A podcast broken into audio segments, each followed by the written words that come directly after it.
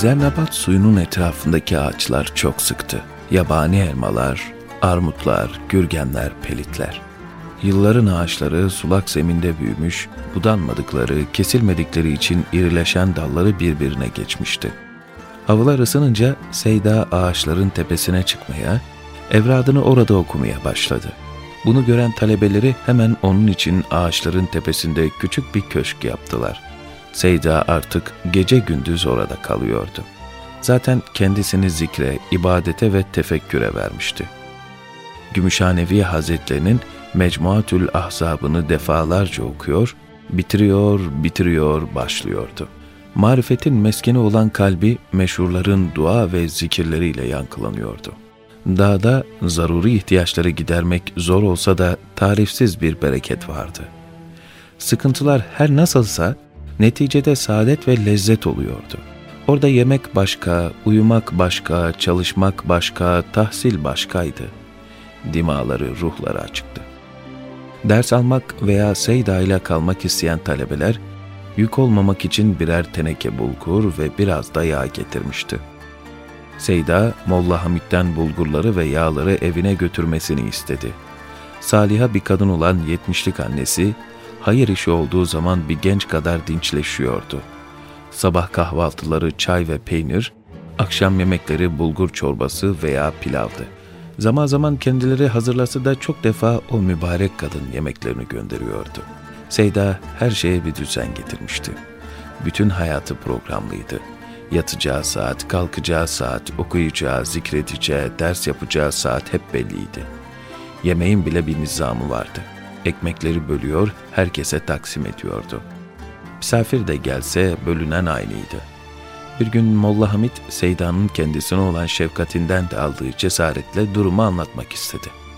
O kadar ekmekle doymuyor, acıkıyordu, ne yapsın? Seyda, ekmek az geliyor, evde buğdayımız yok, getirip bol bol yiyebiliriz, dedi. O arkadaşlarının durumunun elbette farkındaydı.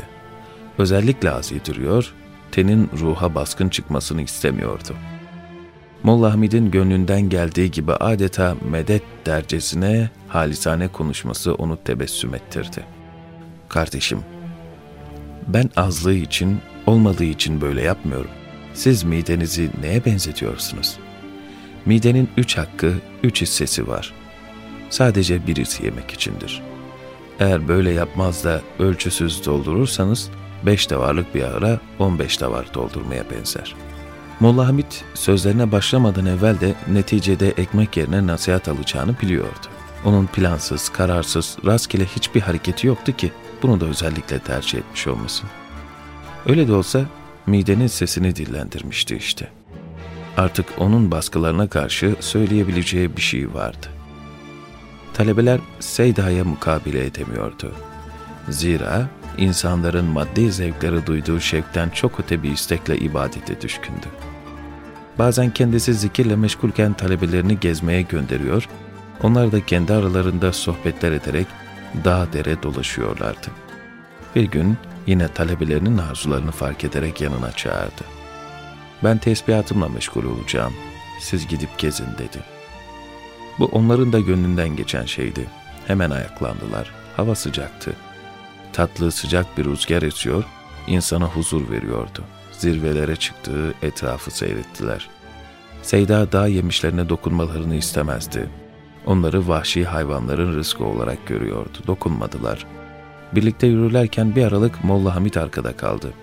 Eline bir taş almış, yerdeki bir şeye isabet ettirmeye çalışıyordu. Anladılar. Yapma dediklerinde iş işten geçmişti. Niçin yaptın diye sordular. Bizde yedi kertenkele öldürmenin bir haç sevabı olduğunu söylerler dedi Molla Hamit. Yanlış söylemişler. Gidince Seyda'ya soy istersen dediler. Sorarım dedi Molla Hamit.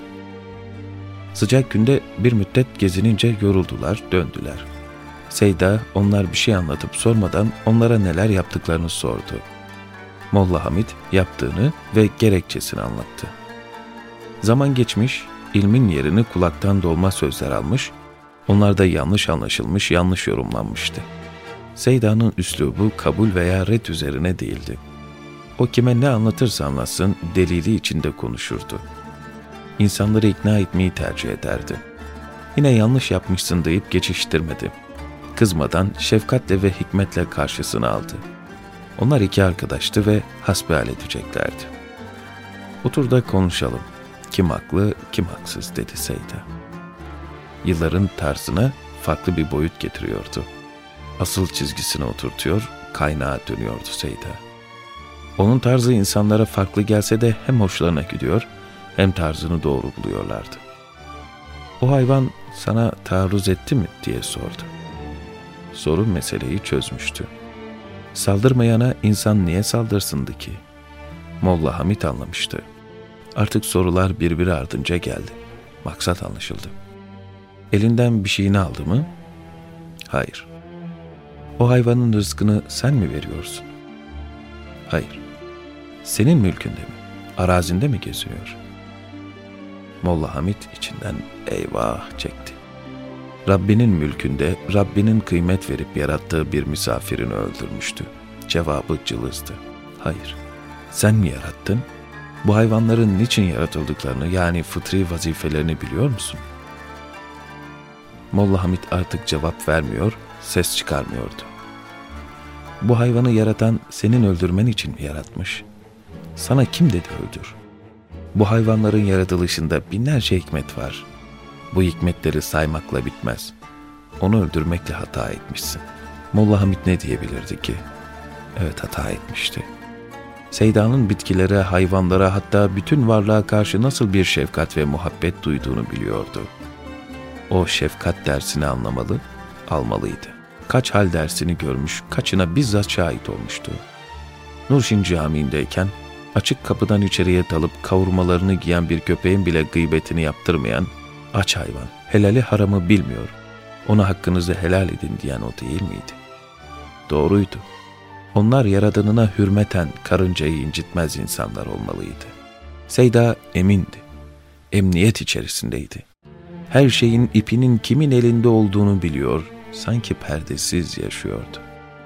Talebeleri o ufku görse de ulaşamıyor, anlamaya, zamanla ulaşmaya çalışıyor, en azından o arzuyla yaşamaya başlıyorlardı. Gün geçmiyordu ki olağanüstü bir halle hadiseyle karşılaşmasınlar. Seyda, bir mümin için bu halleri olağan kabul ediyor, onlar imanın nasıl bir ufuk olduğunu o modelle kavruyorlardı.''